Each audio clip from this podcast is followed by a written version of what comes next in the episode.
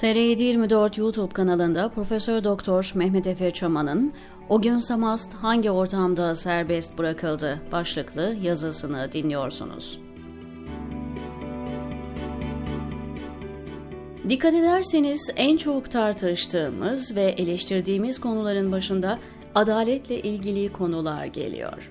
Adaletsizliğin kurumsallaşması olarak nitelendirmemiz gereken bir süreçten bahsedebiliriz.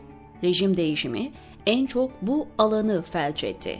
Ortalama bir vatandaşa sorulduğunda siyasi görüşünden bağımsız olarak Türkiye'deki adalet sistemiyle ilgili size olumlu bir şey söyleyemeyecektir. Herkes olanı görüyor ancak ucu kendisine dokunmadan durumdan şikayetçi olmuyor. Özellikle kendisinin dahil olduğu mahalle dışında bir gruptan insanlar sakat adalet sistemine uğradığında memnun oluyor. Dün 16 Kasım 2023, o gün Samast serbest bırakıldı ve elbette gayet anlaşılır biçimde Türkiye'de adalet sistemine ilişkin tartışmaları yine alevlendirdi. Hrant Dink cinayeti şüphesiz ki 2007'den beri üzerinde en çok tartışılan konulardan biri.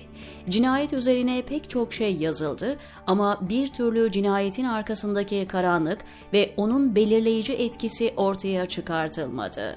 Bakın dikkat ederseniz çıkartılamadı demiyorum. Çıkartılmadı diyorum. Çünkü Dink cinayeti bir suikast, hatta bir infazdı. Hrant Dink bir Ermeni olarak üzeri örtülen ve Türkiye resmi tarihinin belki de en merkezi konusu olan Ermeni soykırımını ve Ermenileri ele aldı. Fabrike edilen Türk kimliğini sorguladı, üzerini kazıdı, onun arkeolojisine girdi diskuru sorguladığı ve suyu bulandırdığı için önce linç edildi, boyalı basında hedef gösterildi ve bunun sonunda da katledildi. Katillerin profiline baktığımızda şaşırdığımız söylenebilir mi? Katilleri az eğitimli, kırsal kökenli, aşırı sağ milliyetçi eğilimli, diğer bir ifadeyle ülkücü ve MHP'li ve bir baltaya sap olamamış kişilerdi. Tıpkı 1970'lerin ve 1980'lerin ülkücü MHP'li teröristleri Mehmet Ali Ağca, Oral Çelik veya Abdullah Çatlı gibi. Bu kendilerini bozkurtlar veya ülkücü hareket olarak tanımlayan yapı 1960'lardan itibaren devletle ilişkili olarak ve operatif işleviyle kullanıldı devletin kendi resmi kolluğu tarafından yapmak istemediği kirli işleri bunlara yaptırdılar. Türk devletinin patolojik refleksleri aktive edildiğinde en kestirmeden bu bizim çocuklar devreye sokuldu. Buzdağının su yüzeyinin altında kalan kısmı ele alınmadan bu karmaşık simbiyozun anlaşılması imkansız. Bunun için zaman makinesine binip 1900'lerin başına doğru bir yolculuğa çıkmamız gerekiyor. Osmanlı'nın çöküşü anlaşıldığında imparatorluğu kurtarmak için üç strateji ortaya kondu. Çöküş ya Osmanlı üst kimliğiyle ya İslami ümmet aidiyetiyle ya da etnik kırsal Türk aidiyeti üzerinden bir arada tutulabilirdi. Osmanlı üst kimliği ve İslami kimliğin etnik parçalanmaya engel olamadığı görüldü. Geriye sadece milli kimlik kalmıştı. Fakat sorun büyüktü. Elde kalan topraklar Anadolu da dahil olmak üzere etnik olarak homojen ya da homojene yakın durumda değildi. Bu iktidardaki ittihatçıları son derece aşırı uç ve tehlikeli sulara yönlendirecekti. Birinci Dünya Savaşı'na Turan ve büyük bir etnik imparatorluk haliyle dağıldılar. Fakat evin içini ihmal edemezlerdi. Son 900 yıllık erimeye karşın hala gayrimüslimlerin oldukça yoğun olarak yaşadığı Anadolu'da demografik mühendisliğe giriştiler. Hedefte Ermeniler, Rumlar ve Süryaniler vardı. En büyük Hristiyan grup Ermenilerdi. Ermeniler 1900'lerin başından beri çeşitli bahanelerle zaten katledilmekteydiler. Fakat 1915 projesi planlı, programlı bir etnik temizlikti. İttihatçılar sayıları 1 ila 1,5 milyon arasında tahmin edilen Osmanlı vatandaşı Ermenileri tüm Osmanlı topraklarından sistematik olarak deportasyona zorladı. Bu zorunlu göç bizzat devlet eliyle planlandı, organize edildi ve gerçekleştirildi. Zorunlu göçe maruz bırakılan Ermenilerin büyük bir bölümü bulundukları bölgede veya yolda katledildi. Bir bölümü ise Suriye'de öngörülen bölgeye ulaşmayı başardı. Anadolu'nun yerli halkı olan Ermeniler böylece yok edildi. Cumhuriyet bu ittihatçıların B takımı tarafından yönetildi. Yeni devletin ilk icraatı Ermeni soykırımını reddetmek ve ittihatçıların inşa etmeye başladığı homojen nüfusa dayalı etnik milliyetçilik politikasına devam etmekti. Bu politika resmi tarihin en temel meselesi oldu ve hiç değişmedi. Türkiye'de bu konudaki partiler arası ortak konsensus hala devam etmektedir.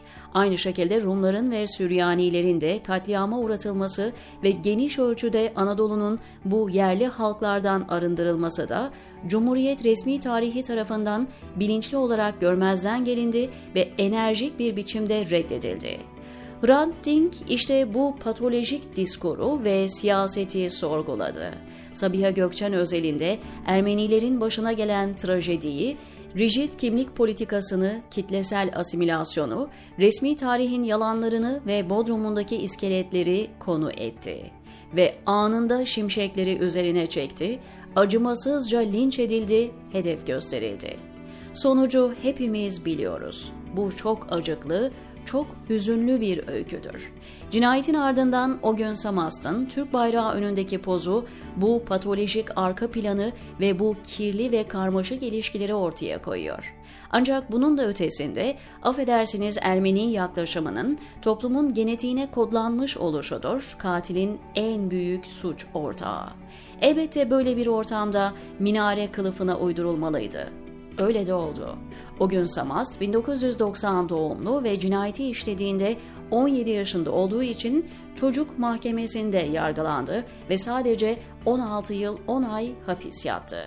Dünyanın birçok ülkesinde 16 yaşından büyük olan biri ağır ceza gerektiren bir suç işlediğinde normal mahkemede yargılanıyor. Örneğin planlı cinayet veya siyasi cinayet, suikast gibi ağır suçlar söz konusu olduğunda birçok hukuk devletinin yargı sistemi zanlının 18 yaşından küçük olmasını zanlının çocuk veya gençlik mahkemesinde yargılanmasına gerekçe olarak kabul etmiyor. Diğer bir ifadeyle birçok hukuk devletinde cinayete karışan bir çocuk eğer 16 yaşını doldurmuşsa gençlik mahkemesi yerine yetişkin mahkemesinde yargılanır ve yetişkin bir sanık gibi aynı suçlamalara ve cezalara tabi olur.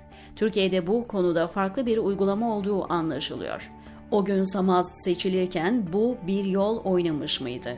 Belki tesadüf der geçerler, bilemem. Fakat bu tür suikastlerde ve cinayetlerde sürekli aynı profilden insanların kullanılması da mı tesadüf?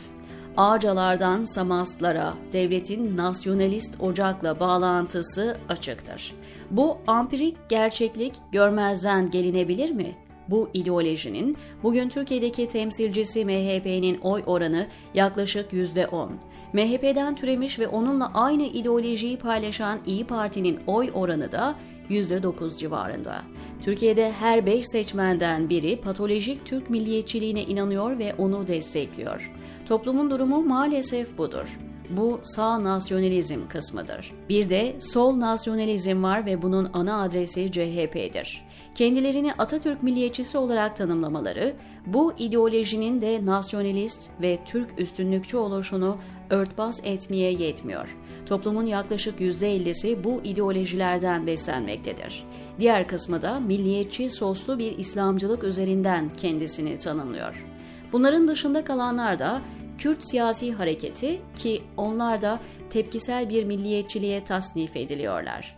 Türkiye siyasetinin ana omurgasında A. Milliyetçilik ve onun destekçisi veya suç ortağı, B. İslamcılık var. Devletin tutumu ne sorusunun yanıtına yaklaştık mı? Bu devlet kimin devleti?